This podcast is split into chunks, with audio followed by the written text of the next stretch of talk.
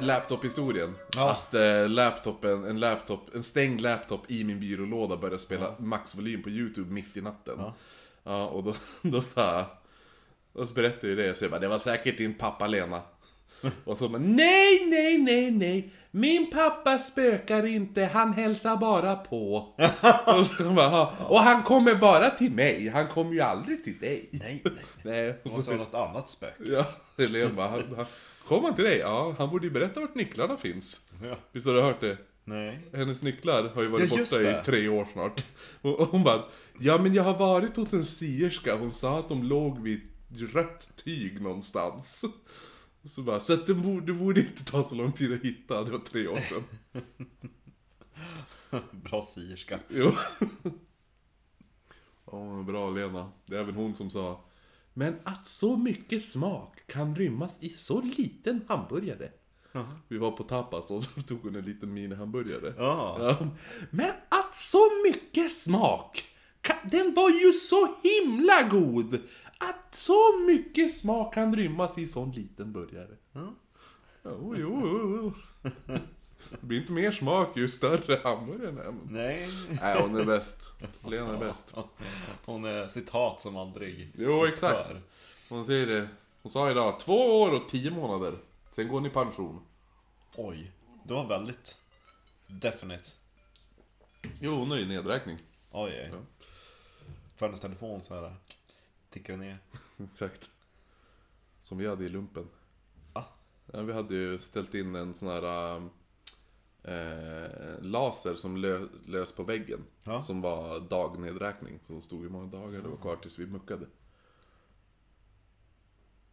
Muck? Jag håller på att tänka ut epitet, så jag satt som sagt med research typ fram tills du kom. Mm. Och så bara, just det, jag kanske ska epitet det här avsnittet som jag har dragit ihop.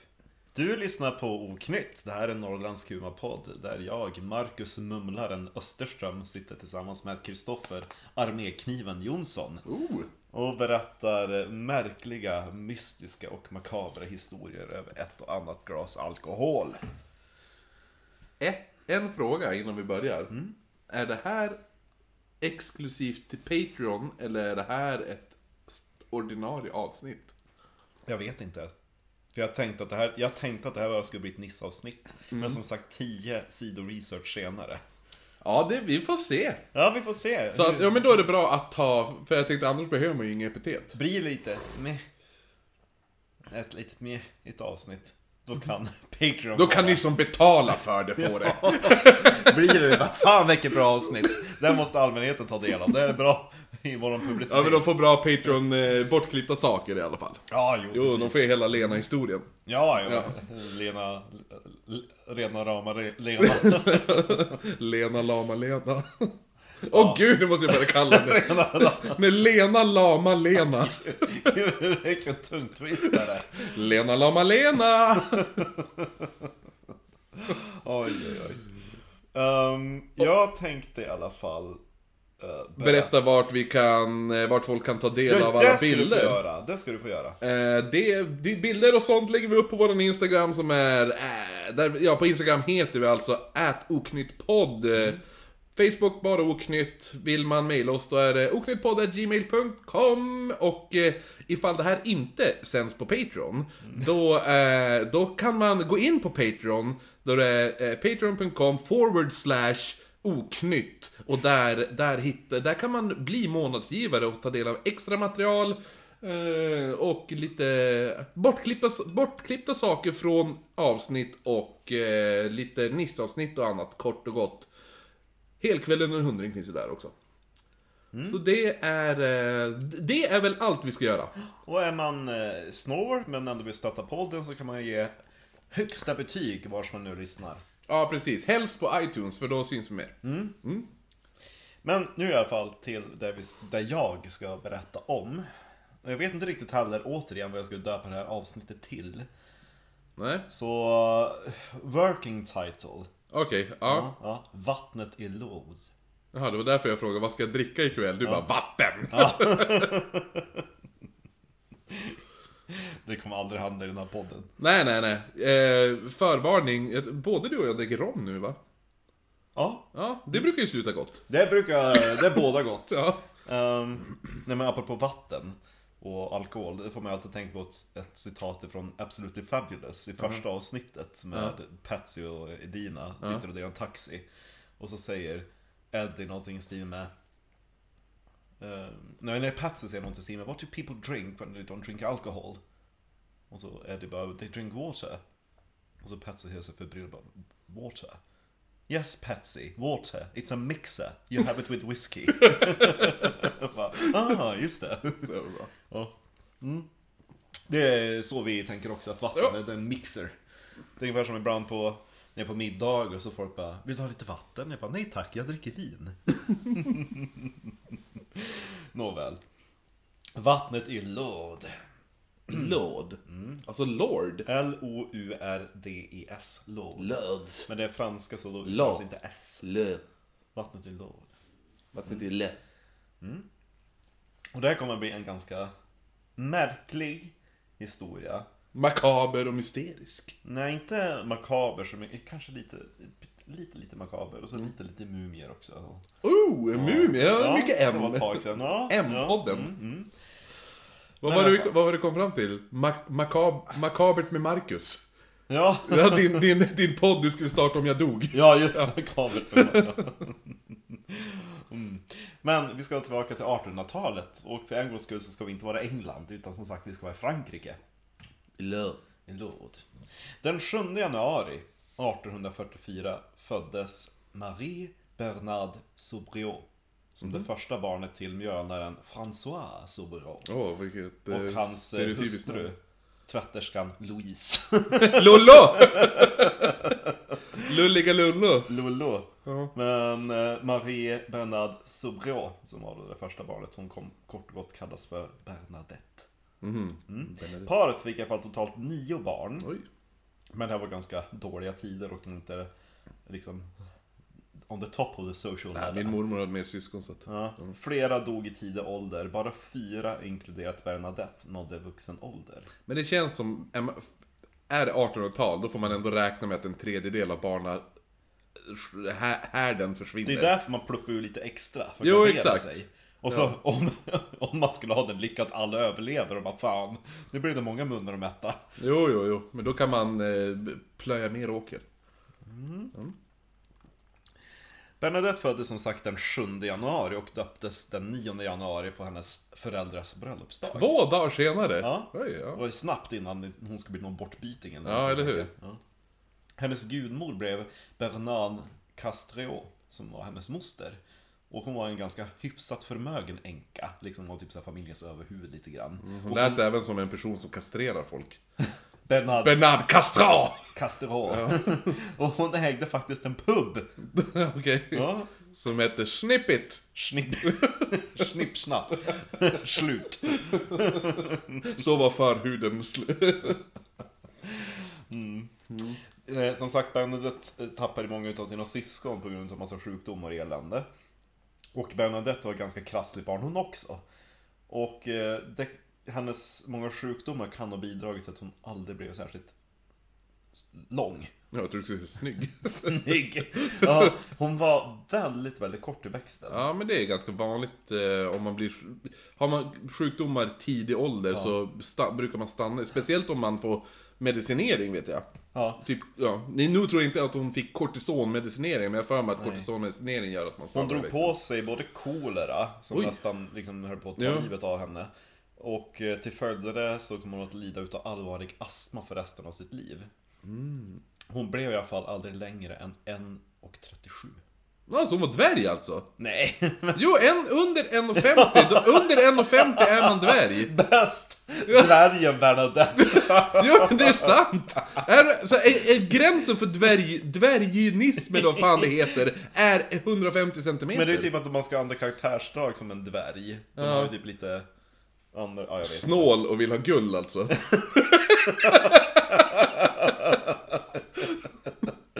Och det bästa av allt att den här historien kommer också involvera grottor. Nej, ja, men det är underbart. Det förklarar hela historien, du kommer att fatta alltihop snart. Eh, I alla fall, hon överlevde i alla fall sin ganska allvarliga barndom med kolera och astma. Men på grund av sin hälsa så var Bernadettes skolgång inte mycket att komma med. Hon gick i en slags välgörenhetsskola. som drevs utav... Ja men det drevs utav typ en... Magiker. ett chantry. Ja men Sisters of Charity and Christians Instructions. I Neve, som jag antar var typ den, det området. Men någon riktig skolgång hade inte föräldrarna råd med utan det var typ bara såhär, ja men fattiga barn kom hit och lär er att läsa lite grann. Typ. Men, ja som sagt, föräldrar hade inte Oj förlåt. Föräldrar hade inte råd med någon riktig skola och tur var ju det för Bernadette hade varit slöseri med pengar. Hon var ju sjuk hela tiden. Ja, jo. Hon kunde knappt läsa eller skriva och pratade inte heller någon franska. Nej. Hon pratade istället eh, Men, men vadå, bodde, de var väl från Frankrike? Ja, men det var i södra Frankrike och där pratar man en, en lokal dialekt, ett typ av minoritetsspråk som heter Jaha. occitan.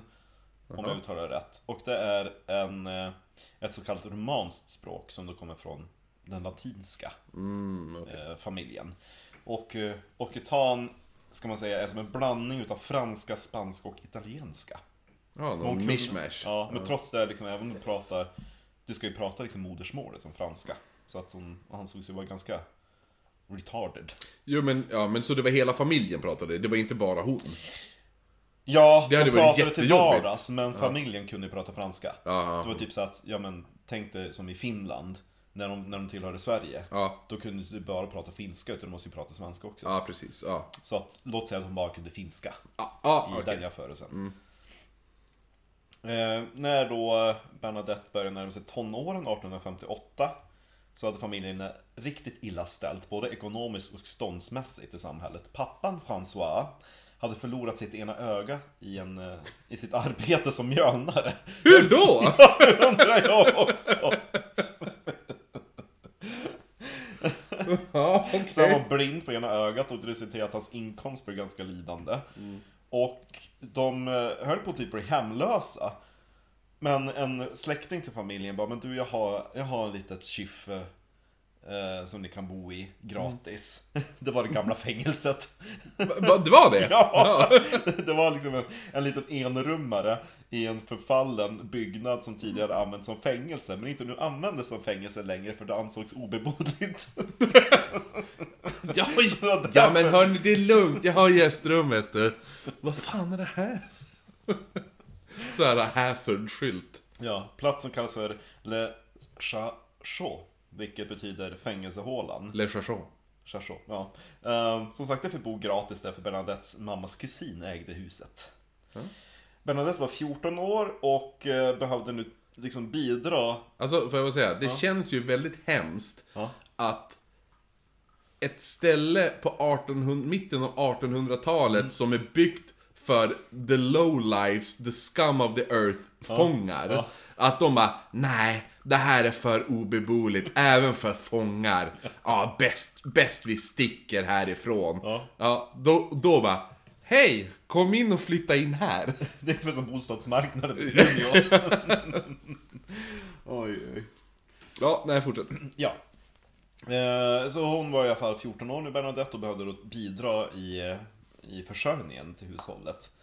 Och eh, vanligt var att eh, hon och hennes syskon gick ut och samlade in ved som de sålde i byn.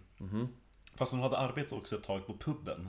Som hennes gudmor ägde. Jä- Men hon nådde inte upp till bordet när hon skulle servera. Nej precis, hon fick, hon fick ett Och gick brickan på huvudet. Man bara såg som ett litet bord. Folk trodde att det var ett bord. Folk satte sig vid henne när hon stod med brickan. Sen bara, bordet bara går iväg. Alla, vad fan händer? Eller? Så fick hon vara bord. Ja, exakt. Bara, det kom ett sällskap att "Du, finns det något bord ledigt ikväll? Jätte- Ja, självklart! Bernadette! Så, kom och stå här, hur stort ska det vara? Jättebra. Jättebra ifall du och jag skulle vara på en pub. Och så sitter vi och skämtar. Sen börjar bordet skratta. Spiller ut vinet. Eller hur? Ja, i alla fall. Så att eh, det var väl kanske inte så lyckat. Hennes karriär som bord. Hon får bli en av karaktärerna sen. Ja!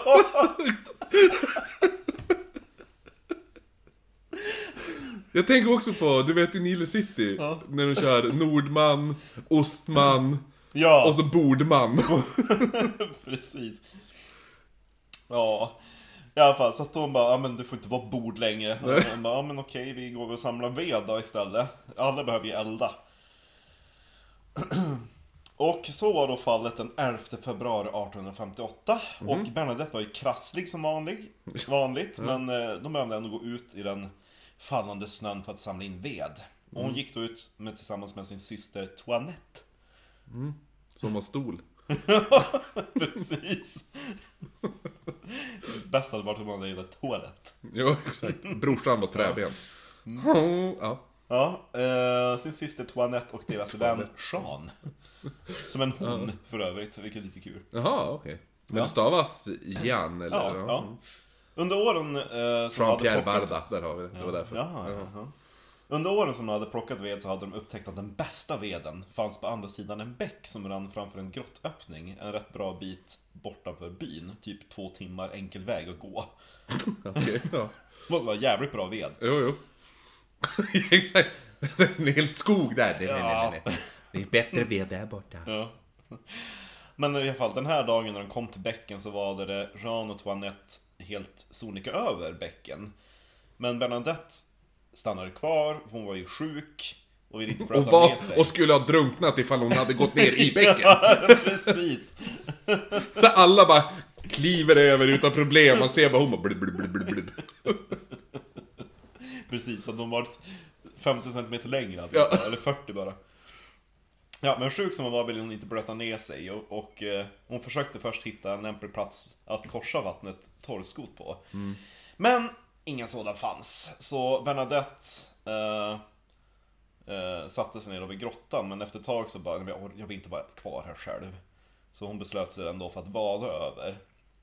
Och det här är faktiskt ett citat från Bernadette. I came back towards the grotto and started taking off my stockings. I had hardly taken off the first stocking when I heard a sound, like a gust of wind. Then I turned my head towards the meadow. I saw the trees quite still. I went on taking off my stockings. I heard the same sound again. As I raised my head to look at the grotto, I saw a lady dressed in white, wearing a white dress, a blue girdle, and a yellow rose on each foot. The same color as the chain of her rosary, the beads of the rosary white. From the niche, or rather the dark alcove behind it, came a dazzling light. Vad är nisch? En nisch. Ja, okej, okej. ja. Så hon kollar mot den där grottan och den grottan är väldigt liten. Alltså, Den, den det- här mishmashen av engelska, spanska och lät väldigt brittisk. Ja, jo det här är... Senare i livet. Men alltså grottan är inte mycket till grotta utan det är typ så här man ser den bakre väggen Men innan öppningen. Gula blommor på fötterna? Ja, två gula rosor på fötterna. Alltså på skorna eller på... Nej, nakna fötter. Vilket är ganska Weird. värt att notera. Mm. Bernadette beskrev i alla fall den här kvinnan som otroligt vacker och sa senare i livet So lovely that when you have seen her once you would willingly die to see her again. Oj då! Ja. Hotsi totsi. Lite lustigt var att Bernadette beskrev henne som en kvinna Men hon sa också att hon såg ut att vara typ 12 Och inte var mycket längre än hon själv Okej, alltså, jag tar tillbaka mitt hotsi totsi uttal där. Söt säger jag istället då. Ja. Ja.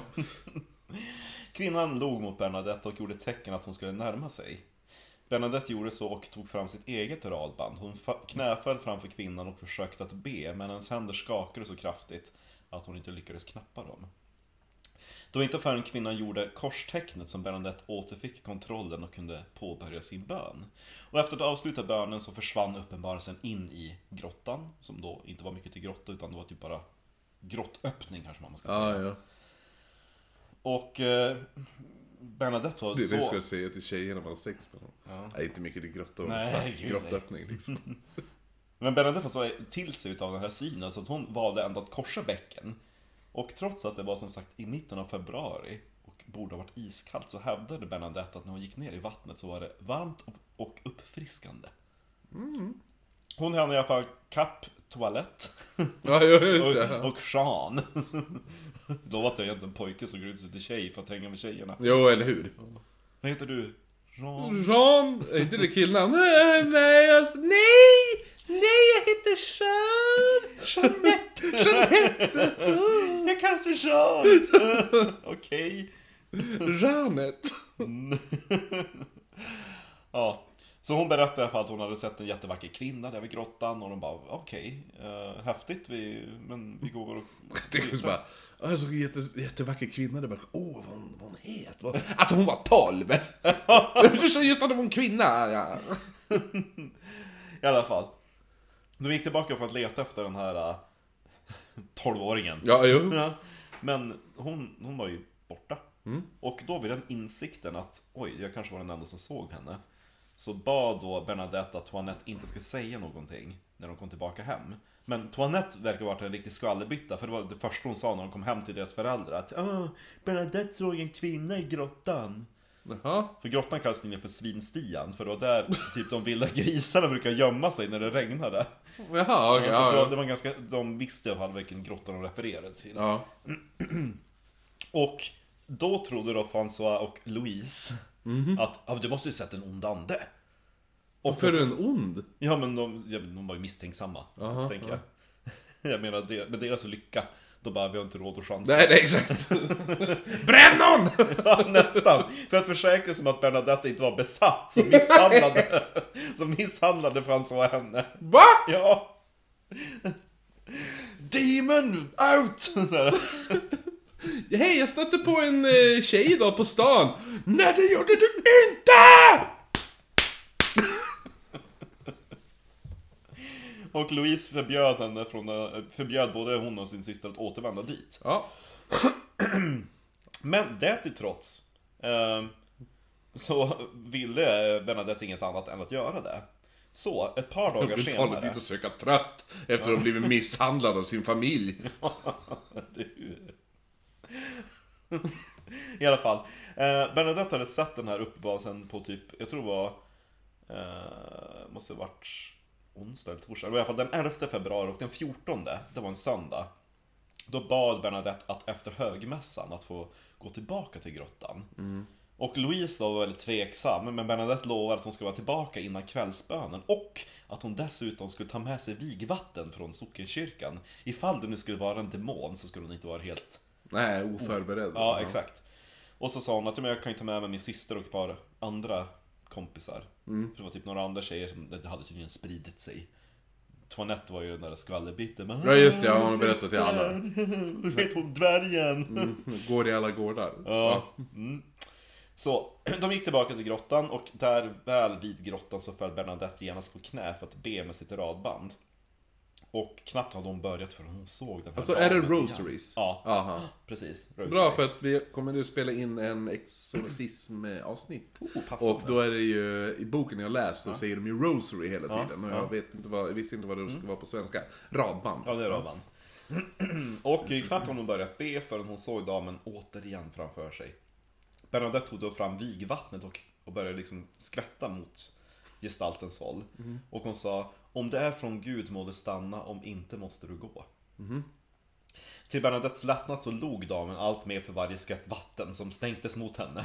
Hon bara, jag är ju från grannbyn. Ja. Bernadette sa sedan också att det faktum att kvinnan visar upp sina vackra bara fötter också försäkrade henne om att det inte var en demon. För de har ju alltid hovar. Ja, just det, ja, precis. Så ja. det, även om en, om en demon tar människogestalt så gömmer de alltid sina fötter Ja, tydligen. Som i den där spelmans eh, ho, Horaberget, eller vad fan Ja, det heter. Horgalåten. Ja. Däremot, Horberget, ja. Horberget. Däremot så kunde ju Bernadettes syster och de andra flickorna inte se någonting. De såg bara att Bernadette verkar ha hamnat i någon trans. Och de blev rädda och började själv typ så här stänka vigvatten.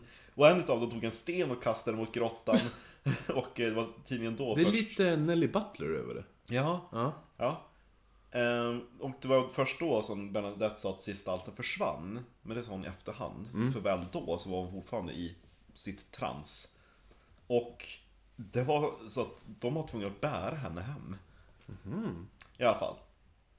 Och några av de här äh, byborna då, som hade följt med de där äh, tjejerna. Det var inte några systrar till Bernadette utan Det var en eh, Jean-Marie Millier. Men det är en till Jean. Ja, Jean-Marie och en Antoinette eh, Perret. Eh, mitt franska uttal ja. En Ja. aning några luckor. Men i Är alla fall. inte då- det, inte det kolsyrade... Perret. Kolsyrevattnet? Heter inte det piré? Ja, i alla fall. Ja. Deras misstanke, det var att den här uppenbarelsen som, som Bernadette såg kanske var en gengångare. En renevent. Som Mm. Ja. är franska för den som återvänder. Ja, jo, så det är jo, verkligen en gengångare. Jo. Och en av deras vänner hade dött ett par månader tidigare. Och enligt då deras folktro, så revenants, de pratar inte. Utan de kommunicerar genom skrift. Och Bernadette hade ju sagt att den uppenbarelsen inte hade sagt någonting utan bara hade lett mot, mot hon. Så, nästa gång när de återvänder. Då beslutade sig Bernadette att ta med sig papper och penna. Eh, för ifall det skulle vara en revenant så kunde de kunna kommunicera med Aha. eh, vålnaden. Så eh, de besökte grottan igen den 18 februari, vilket var då fyra dagar efter den här eh, andra uppenbarelsen. Och det var först då som damen talade till Bernadette. Och hon sa att hon inte skulle nedteckna något utan uppsöka henne de kommande 15 dagarna. Okej. Ja. Och det är ju ganska eh, mycket att begära då det är två timmars enkel promenad. ja, men eller hur? Och Bernadette är extremt krasslig. Ja, och, och hennes ben är ju för fan 10 cent... Det är ju fyra dagars promenad för henne. För där ja. och, eh, Eller så var det två timmar för henne och så är det en kvart för mig. ja, Ja. och eh, så här hade ju tydligen då den här damen formulerat frågan. För det är också en, en detalj som Bernadette tyckte var väldigt ovanligt. För hon var inte van att börja bli tilltalad så, så fint. Would you have the goodness to come here for 15 days? Och här fanns det också ett radet nedskrivet då på den där lokala dialekten. Eh, som jag antar då är något... Boulé, oe, har gracia di pie, asi penden quince dias. Fra- Quesadillas! Quince dias. Okej, ja. Eh, på franska, voulez-vous me faire, eh, voulez-vous me faire la grâce de venir ici pendant quince jours. Ehm, Det är 15 då, det sista. Eller? ja, hon ska besöka honom i 15 dagar. Ja, ja men 15 är Queens... Ja, precis. Alltså 15 dagar. Ja, precis. Alltså Så Quincy, att, eh, Qu- Quincy Diaz är 15 dagar va? Ja. Ja. Så det kallas för eh, alltså the fortnight. Den här eh, perioden då som Bernadette går med på. eh, och Bernadette hon Så Dr. Quinn sig. heter hon Dr. 14? Ja, typ Ja, antagligen ja. Så Bernadette hon dedikerar sig i alla fall till, till det här. Och eh, nästa dag då, den 19 februari, då dök hon upp tillsammans med åtta andra personer. Oj då. Inkluderad då mamma Louise Jaha. och eh, två Som, mostrar. som stod där med skärpet i handen ifall de skulle... Ja, Ja. en utav de mostrarna som följde med var ju hon eh, som hade puben. Ja, just det. Som var lite grann utav Kastra... deras... Hon som kastrerar män. Ja. Fastighetskastrering, ja. Och det hade nu börjat eh, spridas historier om Bernadette och staden började delas lite två läger. Det var några som ansåg att hon talade sanning och några som bara trodde att det här var bedrägeri. För att hon ville typ ha uppmärksamhet och kanske tjäna pengar på, på det här spektaklet. Ja. Det femte besöket, 20 februari, bevittnades av 30 personer. Vid den dagen... Men hell, det är ju verkligen... Alltså det är ju typ franska versionen av Nelly Butler. Ja, Ja. det var det jag tyckte var lite kul med den här också. Eh, fem, fast då är det bara Bernadette som ser, de ser ingenting. Nej precis, ja exakt. Fast för, ja, så det är bara hon som ser? ingen bara- annan ser någonting? ingen annan ser någonting. ja ja. Den eh, 20 februari som sagt bevittnades... Eh, Var inte femte? typ- Nej, femte dagen? Ja, femte besöket den 20 februari. Eller femte... Jo, precis. och eh, då var det då 30 personer där. Och vid den dagen efter Bernadette hade knäfallit och bett och alltihop, hon hade liksom sin lilla procedur. Hon gick dit, knäföll, bad med sitt radband. Men efter den här dagen sa hon att hon hade lärt sig en bön utav damen. Och hon fick aldrig upprepa den för någon. Hon skrev aldrig ner den. Eller berättade hur den löd. Men hon eh, bad den för varje dag utav resten av sitt liv. I alla fall. Sa hon ja. Ja, sa hon. Det är lite mormonkyrkan den här, ja jag hittade ett par guld, eh, eh, vad heter det nu, plakat som bara jag kan läsa. Ja. Ja. Ehm, I alla fall, 21 februari, dagen efter då. Då var det 100 personer som följde Men med henne. helvetet! Ja. Och då när eh, den här eh, damen då såg ut över den församlingen som hade följt med Bernadette så såg hon dyster ut och bad Bernadette att be för syndarna.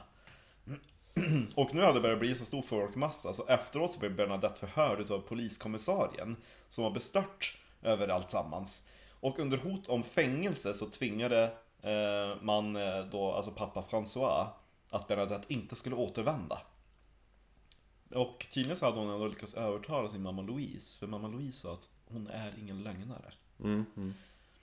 Eh, Men trots det då att man hade tvingat henne till att, eh, ja men du får inte gå dit. Så, ja, gick, hon gick dit. Ja, Ja, dagen efter så hade hon först lydigt gått till skolan, men på vägen hem då hade kallet till grottan blivit så stort så att hon gick dit.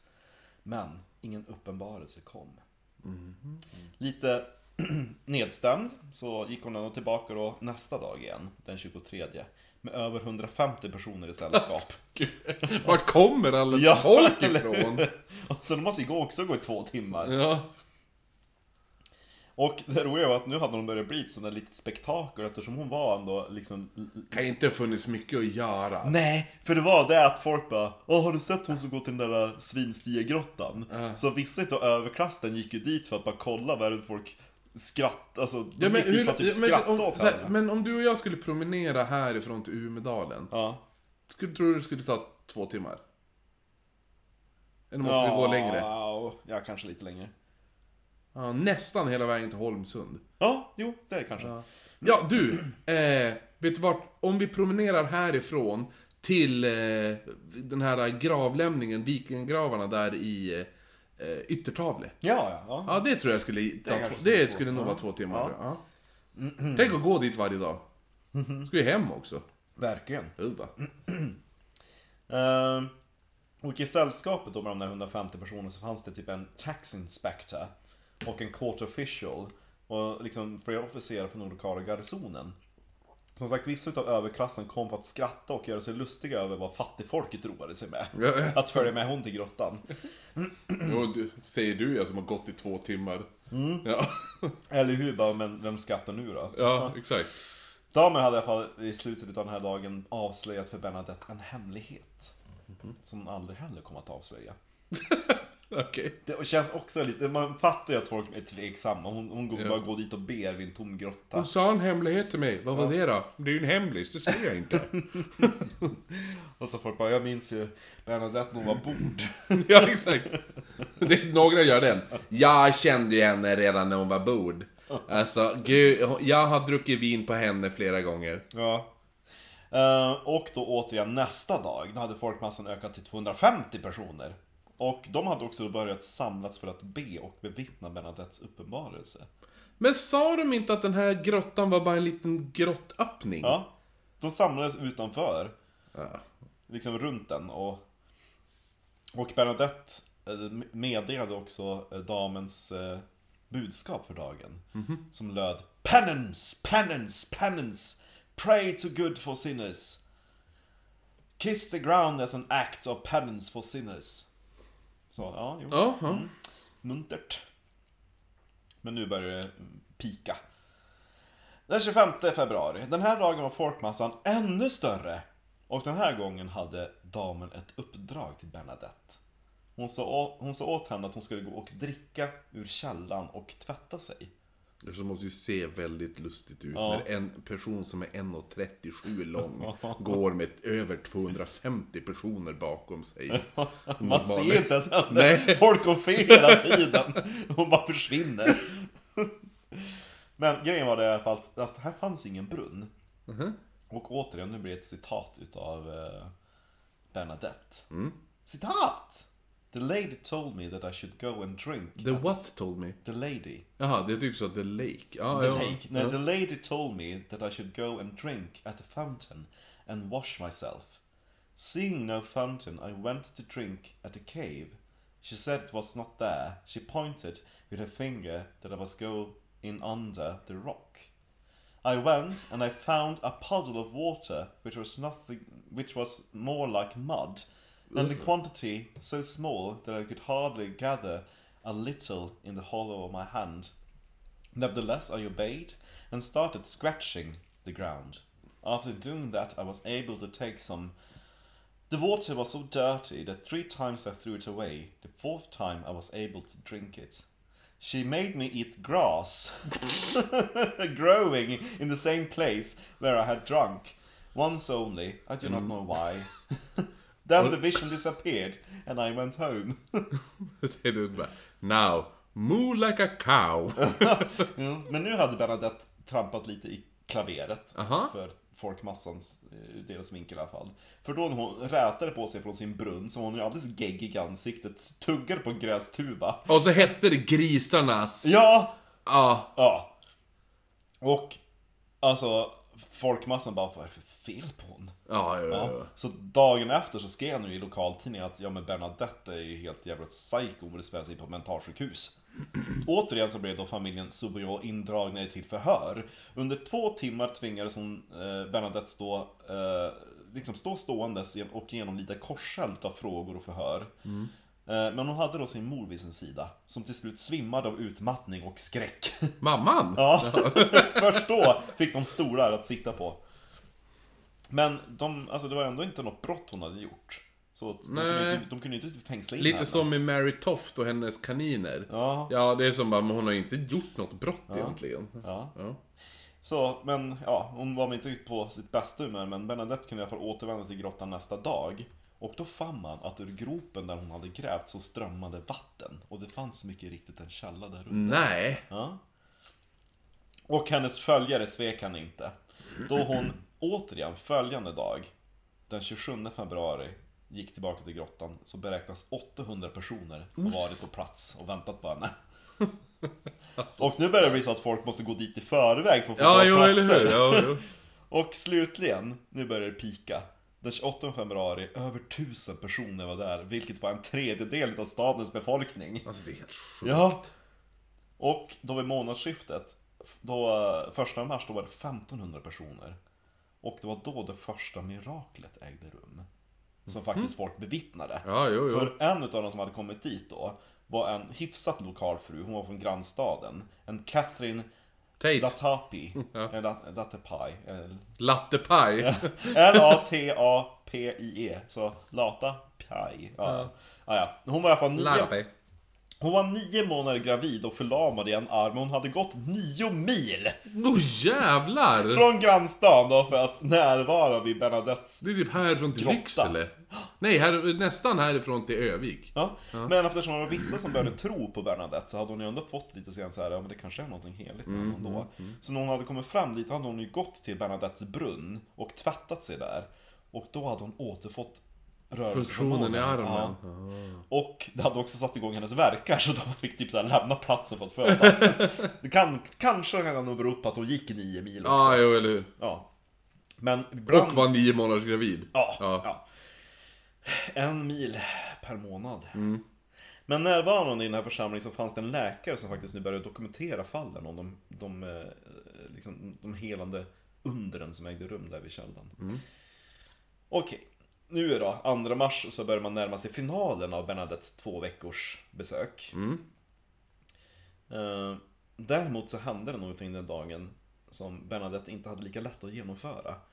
För den här gången när damen uppenbarade sig så hade hon ett uppdrag. Att Bernadette skulle uppföra ett kloster. Ja, okej. Det- Okej. Och... Hade varit bättre om Du ska vara långbord. Ja, det var bara ett kort ord. Men att grunda ett kloster det var någonting som bara kyrkan kunde göra. Aha. Som sagt och gjort så gick då Bernadette i sällskap med sina två mostrar till fader Peyramel i staden. Eh, som kanske var typ då den lokala kyrkans överhuvud. Du har inte läst in så mycket på honom, Nej, men- men, han, eh, han förekommer ganska flitigt i den här historien. Och han var inte alls en särskilt... Nej, han var inte biskop, men han var, han var typ en utav överhuvudena bland prästerna i, i staden. Kardinal? Nej, det är kanske över biskop. Nej, det står fader i, i, Okej, ja. i citaten också. Eh, han var inte i alla fall särskilt sympatisk, han hade ju hört allt det här. Ja. Om liksom spektaklet med Bernadette. Och han var väldigt irriterad.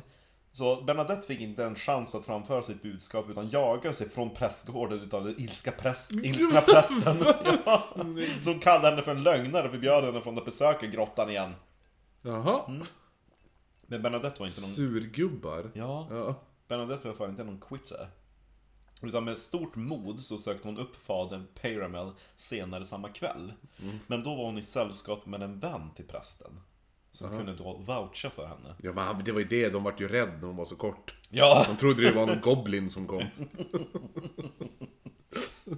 eller hur? Men det är lite kul med en dvärg och en grotta.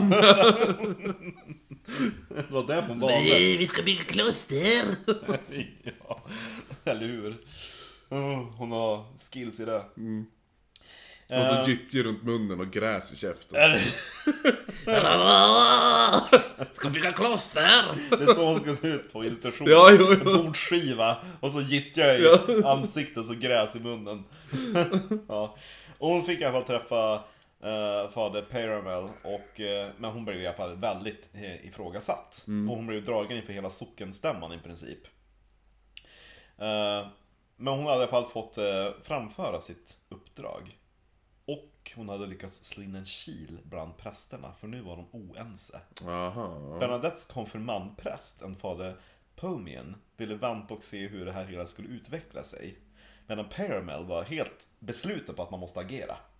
Och han gick då för att söka stöd hos den lokala biskopen och denne bad då Paramel att vänta och hålla sig på avstånd från grottan. Han skulle inte gå dit och uppmuntra att kyrkan liksom stod bakom hennes Nej, nej.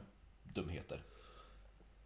Men Bernadette kunde han inte hålla sig ifrån Paramel, utan Bernadette kom och sökte upp honom tre dagar i rad för att liksom tjata om det där jävla klostret. Ja. Och den 3 mars, vilket var dagen innan Bernadettes sista besök till grottan, då hade det gått de här 15 dagarna.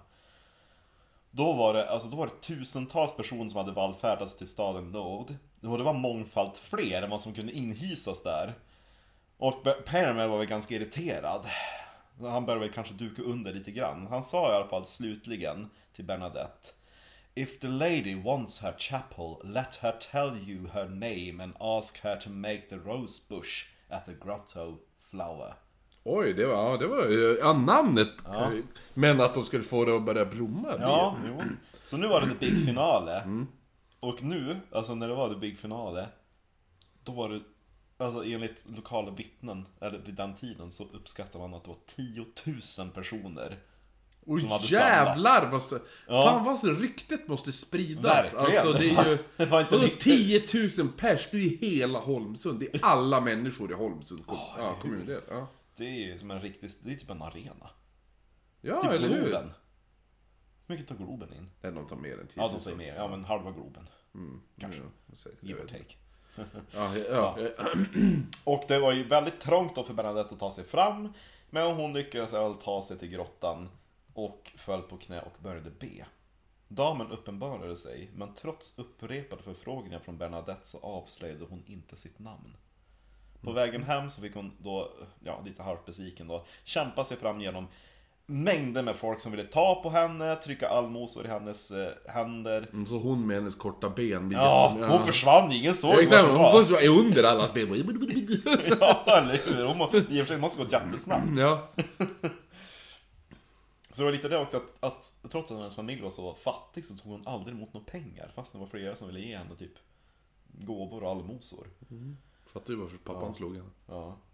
Och eh, då, hon gick i alla fall till prästerna och, och de frågade bara hur gick det då? då? Fick du reda på vad hon hette? Och Bernadette bara, nej hon, när jag frågade hon om hennes namn så log hon bara. Och de bara, det var därför att hon skrattade åt dig. ja. Ah. Men i alla fall. Men jag gillar också så här. Det känns ju ändå som att... eh, ifall hon har en följare på 10 000 pers. Ja. Det skulle ju nog inte skada kyrkan att bygga upp någonting där. Säg att du bygger ett kloster där då. Det här klostret skulle ju säkert, det skulle ju bli väldigt välbesökt. Och generera en massa Och pengar. generera mel- väldigt mycket pengar till kyrkan. Så jag, alltså det är så här. Det är därför hon är kvinna, eller hur? och dvärg. Och dvärg! Hon är Dvärgkvinna! Exakt! Det var där... Så bara, är det därför jag är kvinna? Nej, det är därför du är ett bord! Precis, när, när de står där inför kyrkan Och så ena prästen bara Surely you're not going to listen to this table! Hon borde haft ihop det. Time to change the tablecloth! Och så kastar man en tygbit över henne. Hon borde ju ha ihop det med en 15-åring. Ja, eller hur? Saknar du träben? Jag kan vara din ben om du är min bordskiva. Ja. Ja. Men nu blir det ett stort uppehåll på 21 dagar innan Bernadette kom att återvända till grottan. För tydligen så var det typ någon eh, grej inom katolska kyrkan som hon behövde ta sig an. Typ öva massa böner eller någonting. Det var typ Tänk konfirmation eller någonting, jag vet inte. Men hon var i alla fall borta i 21 dag, dagar innan hon kunde återvända till grottan. Och dagen hon återvände var den 25 mars. Och det är också en betydelsefull dag i katolska kyrkan eller i Bibeln. För det var tydligen då, den 25 mars, som jungfru Maria blev meddelad om att hon skulle föda Jesus. Och Bernadette hade ju aldrig, hon kände liksom att jag är inte klar med, fast när jag gått dit i 15 gånger idag så är jag inte klar med den här uppenbarelsen. För hon sa aldrig liksom farväl. Alltså vi har inte gjort ett avslut. Så det var därför hon gick då tillbaka till grottan. Och då, som sagt, efter 21 dagars frånvarande, när hon kom tillbaka till grottan, så fanns mycket riktigt den här damen där och väntade på henne. Och då avslöjade hon sin identitet. Hon sa I am the immaculate conception. Sån är jungfru Maria. Ja. Ja, ja. Och tydligen så är det så att the immaculate conception, det begreppet inom katolska kyrkan, det hade tydligen bara myntats ett par år tidigare. Jaha. Och det är väldigt konstigt tycker jag, för varför skulle jungfru Maria befatta sig med moderna Ja, jo, eller hur? begrepp? Hon, är hon hipster helt plötsligt? Ja. ja. Men i alla fall, Bernadette lär inte ha förstått vad the immaculate conception betydde, utan hon bara hon bara, ja men jag har fått ett svar i alla fall, så hon tog ju med sig det då och framförde det till Pyramel, den där bitchiga prästen. ja. Och han hade ju, han kände ju till det, vad the immaculate conception betydde. Jaha, jaha. han bara, ja. men alltså är du säker på att det var det hon sa? Hon bara, jo, eh, jag gick och upprepade hela vägen hem för att jag vill inte glömma bort, glömma bort det. Nej. Och de bara, då satte sig prästerna ner och bara, men alltså hon är ju helt obildad, hon kan knappt läsa, hon pratar inte franska. Och tydligen så hade Men han pratar hennes språk. Det var det jag tänkte. Hon... Ja. Eller För hon en tolk? Ehm, damen. Nej, Eller men Bernadette. Nej men de, de pratade, de pratade den lokala dialekten också. Men Sa hon också och hon har blommor mellan sina tår. Bara jag kan se. Eh, men tydligen så hade i alla fall uppenbarelsen sagt det där I am the immaculate conception på franska. Je suis l'immaculate conception. Ja. Så hon hade inte sagt det på den lokala dialekten. I Ja, alla det- fall. ja, eh, det här hade jag fått då Pyramel att, eh, ja men jag kanske ska ta och eh, jag tar det här vidare. Så han gick tillbaka då till... Vi tar det till oss. Ja! så han då gick tillbaka då till den där biskopen för att berätta om, om det här. Och nu börjar vi närma oss slutet för Bernadettes uppenbarelser. Den 7 april var den 17 uppenbarelsen som hon fick. Det var tre dagar efter påsk. Och Bernadette kände ett inre kall att besöka grottan. Och när hon gick dit så hade hon med sig ett ljus i handen. Och återigen så var det en stor folkmassa som väntade på henne där. Och under tystnad så gick då Bernadette fram och knäföll framför grottan och började be. Och bland församlingen så fanns det en skeptiker, en doktor Dussault. Mm, såklart att han var doktor också. Och han liksom knuffade sig ganska, "Ah, läpp min fru, läpp min fru. Genom hela folkmassan. Doktor Dussault. Dussault. Han lät väldigt tintinnig. Ja. Ja. Så att eh, han bara, "Ah, I'm a doctor, I'm a doctor. han, eh, han sa, "Ah, the, I am eh, in the name of science. Jaha. Så att han knuffade sig fram hela vägen till Bernadette. Och han stod där bredvid henne för att notera liksom hur, liksom, hur hon betedde sig. Han liksom noterade att dels så verkar hon inte vara Hon har inget anfall, det är ingenting med pulsen eller någonting. Nej. Men det som han noterade var att det där ljuset, för hon stod och bad ganska länge, började nu brinna ner. Alltså, Ja. ja men, jo. Hon, ju- höll, hon höll sina Alltså händer. det, det brann väldigt snabbt ner? Nej, vadå? nej, utan det var att, att, att allt eftersom han stod där liksom, nu brinner det lägre. Jaha, alltså att det började komma ner i handen på Ja, henne? hon Aha. håller liksom mellan sina knäppta händer när hon ber. Och snart så håller Bernadette bara i en ljusstump. Ooh. Och snart bara en veke. Men lågan skadar inte hennes händer. Aha. Och han bara... Oh. Han, Dr. Dussault noterar att han stod och tittade i tio minuter om hur Bernadettes fingrar slickades utav lågan från veken. Jaha, du ser. Ja. Av åskådarna. Och då sen hon liksom kom tillbaka med att hon hade avslutat sin bön så bad han då få undersöka hennes fingrar. Ja. Och de visar inte på någon skada från elden. Nej. Och från det ögonblicket så blev Dr. Dussault en ivrig supporter ja, utav hennes uppenbarelser. No, Och ett väldigt viktigt vittne. I alla fall. Eh, Och då nu börjar det övergå till vår och sommar. Men som sagt, än så har ju kyrkan inte ställt sig bakom det här. Och borgmästaren i Lod börjar bli ganska less på att det kommer liksom tusentals med människor dit. Så att han beslutade den 8 juni för att barrikadera grottan och stationera ut Men alltså det är ju den bästa turistattraktionen Ja, han ska ju i snappa världen! upp kiosker. Ja! Och så bara, här har Börja sälja merch! Ja. ja. Eller hur? Ja. Men han beslöt sig då för att bötfalla alla som knäll, knäföll inför grottan och man fick inte ens prata om den. Nej. Ja. I alla fall, Bernadette fick sin sista uppenbarelse där vid grottan den 16 juli. Och grottan var ju då barrikaderad så hon fick knäfalla nere då vid den där floden som flöt i närheten. Men hon berättar att för sitt inre så var det som om hon fortfarande var vid grottan. Och ånyo tillsammans med vår dam. Som var än vackrare än någonsin. Och kort därpå så blev Bernadette kontaktad utav den här biskopen som han den där bitchprästen ja, kontaktat. Och de började då förhöra Bernadette. Och en kommission tillsattes utav flera andra inflytelserika biskopar runt om i bygden. Och de eh, fick då träffa Bernadette och eh, intervjua henne och fråga henne och alltihopa. Och alla blev väldigt imponerade av hennes liksom, enkelhet och hennes viljestyrka. Som Nu hade. passar det. Ja. Och i november 1858 så blev Bernadette utvärderad utav flera doktorer och många rapporter eh, nedskrevs. Där man bland annat bekräftade 35 mirakel ifrån källan. Och eh, Hon, gravidkvinnan var ett eller?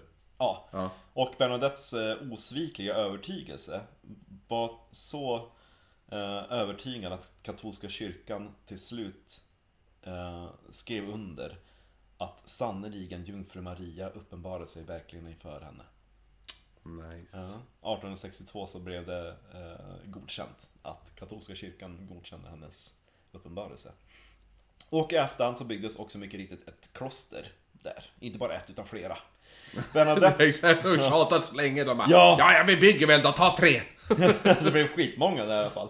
Eh, I alla fall i efterhand så såg Bernadette inga fler uppenbarelser av jungfru Maria. Och eh, när folk sedan har frågat henne om det, då, då hade hon som förklaring Citat! The Virgin used me as a broom to remove the dust. When the work was done, the broom is put behind the door again. And I was going back to work as a table. Eller hur? Nej, hon gick med i den där lokala kyrkan, The Sisters of Charity of Nevers. Där hon hade gått då, som välgörenhetsskolbarn. Så att nu, där bland de systrarna så lärde hon sig själv äntligen att läsa och skriva ordentligt. Ooh. Så att hon har själv nedtecknat alltihopa. Jaha, okej. ja. Ja. Men däremot så blev syster Bernadettes tid i kyrkan inte så lång. Hennes dåliga hälsa plågade henne genom hela livet och till slut så tog det också hennes liv. Den 16 april 1879 så avled hon bara 35 år gammal. Ja, var inte... Nej, hon var inte gammal. Nej, hon men, som jag. Men, Bernadettes historia slutar inte där. Nej. Genom brunnen i Lourdes och dess märkliga förmågor och Bernadettes otroliga historia så fortsatte då myten och legenden om henne att spinna. Mm. Och det var många som ville då få Bernadette att bli helgonförklarad. Ja, för det var det jag tänkte. Det kändes som en typisk grej. Ja. Ja. Och resan till helgon är inte så lätt. Bland annat så ett steg dit är att kolla om kroppen är typ salig, eller vad man ska säga. Jag minns inte vilken... Eh, okorrupt, tror jag Ja, ja, eh, ja. detta är. och då ska man bland annat öppna upp hennes kista. För att eh, se om hennes kropp har visat på något tecken på helighet. Ja. Och första gången som man öppnar Bernadettes grav är 1909. Alltså efter 30 år som död. Och... Eh, ehm, alltså hon hade legat och begravd typ i en källare. Som var ganska fuktig. ja. Ehm, Det, det bästa stället att eh, öppna upp en kista är fuktkällaren 30 år. nej men de, de, de öppnade upp i alla fall eh, valvet och tog upp kistan till ett, eh, ett, ett förberett rum. Där man hade placerat typ två stycken eh, typ bord. Och ett, på ett Och ett var hon. Ja, men ett... ja! På ett bord ställde de kistan och skulle de typ så här skruva isär. De kunde inte bara bryta upp det, utan de skruvade isär kistan. Och sen så lyfter man bottenskivan med liket på, över till det andra Mm, bordet. jag förstår. Ja. Ja. Och närvarande så var det bara några sys- systrar ifrån eh, hennes kloster då. Och eh, en, en surgeon och en doktor. Som då under ed eh, liksom där har, berättat det här. Citat. The coffin was opened in the presence of the Bishop of Nevers. The bishop, nej, uh, the mayor of the town, his principal deputy, several canons and ourselves. We noticed no smell. The body was clothed in the habit of Bernadette's order. The habit was damp. Only the face, hands, and forearms were uncovered. The head was tilted to the left, the face was dull white.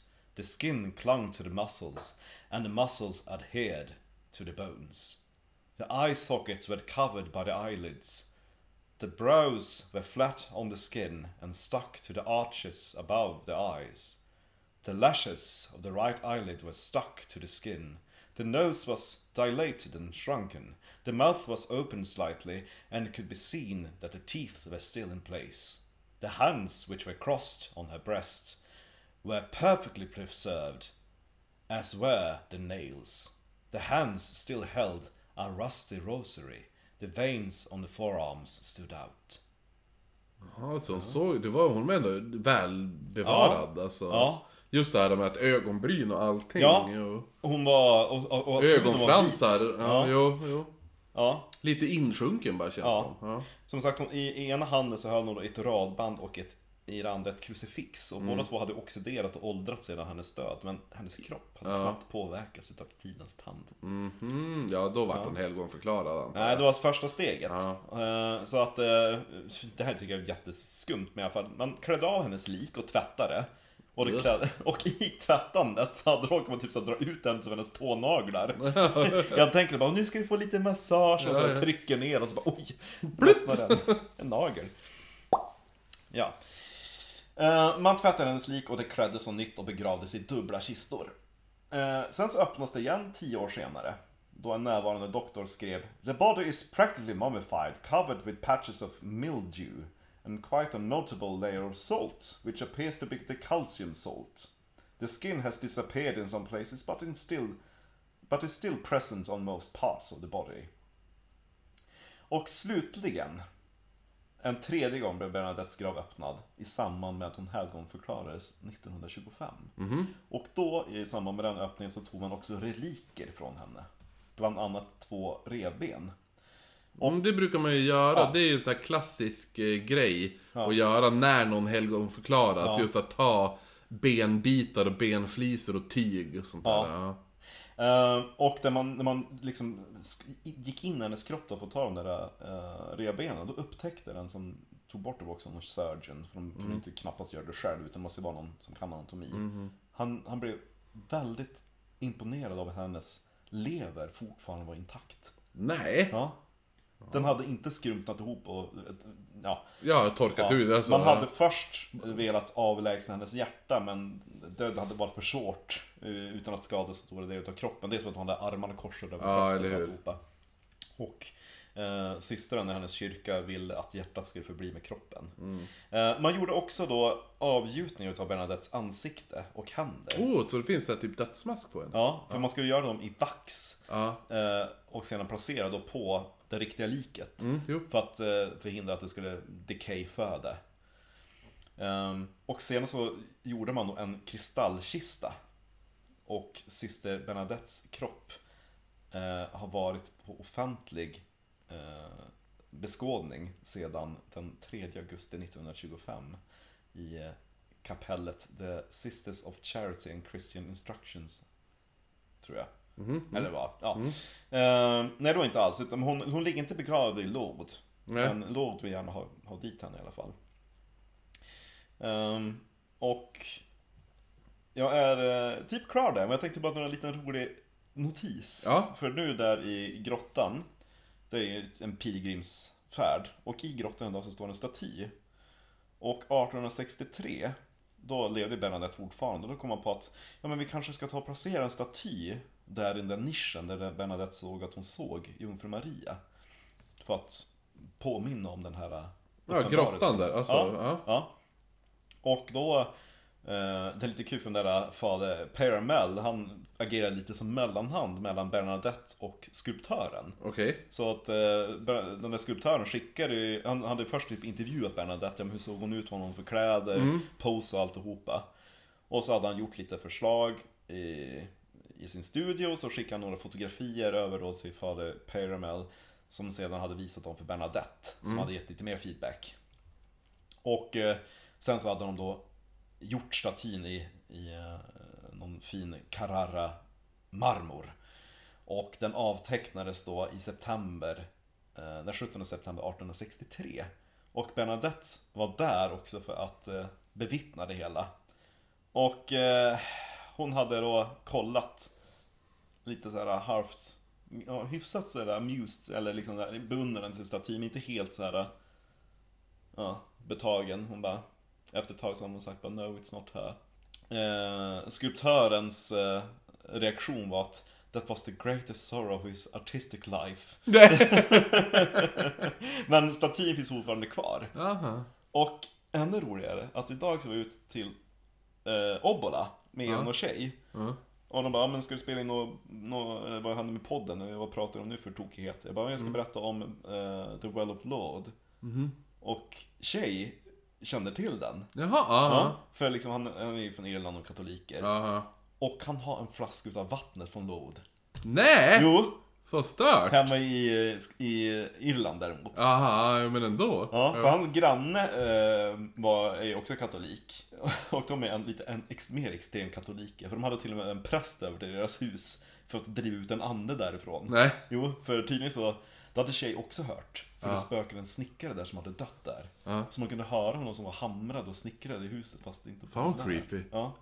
Och då hade de i alla fall gjort en liten pilgrimsfärd till The Well of Lord. Ja. Och tagit med sig en flaska vigvatten. Så jävla nice. Ja. Sen bara, "Oj, synd att jag inte har den där här.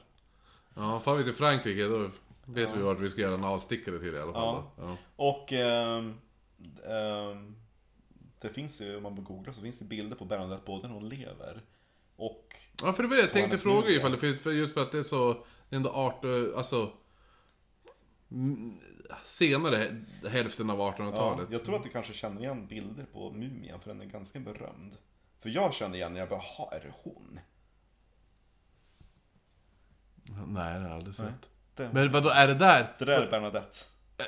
Mumien? Ja.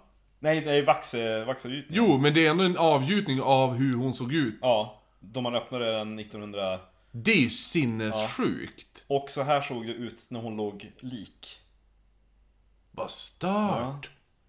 Hon var ändå ganska fin. Ja. för det var så kort. För att vara ett bord. För det var ett bord ja. Ja, hon såg inte så pjåkig ut för att vara ett bord. Ehm. Nej, det... Det är fucked up alltså. Ja. Ja, det blir bra med bilder. I alla fall, det var The Well of Lord. Mm. Får heta Kvinnan i grottan. Ja, eh, en till rolig grej Ja. som eh, katolska kyrkan var tvungen att instifta på det här. Aha. För de bara, det börjar hända så många mirakel i The Well of Lord. Så de bara, vi måste, alltså, vi måste ha någon ordning på det här. Så det var första gången som de faktiskt inrättade en institution som baserar sig på vetenskap. Som skulle utreda alla mirakel.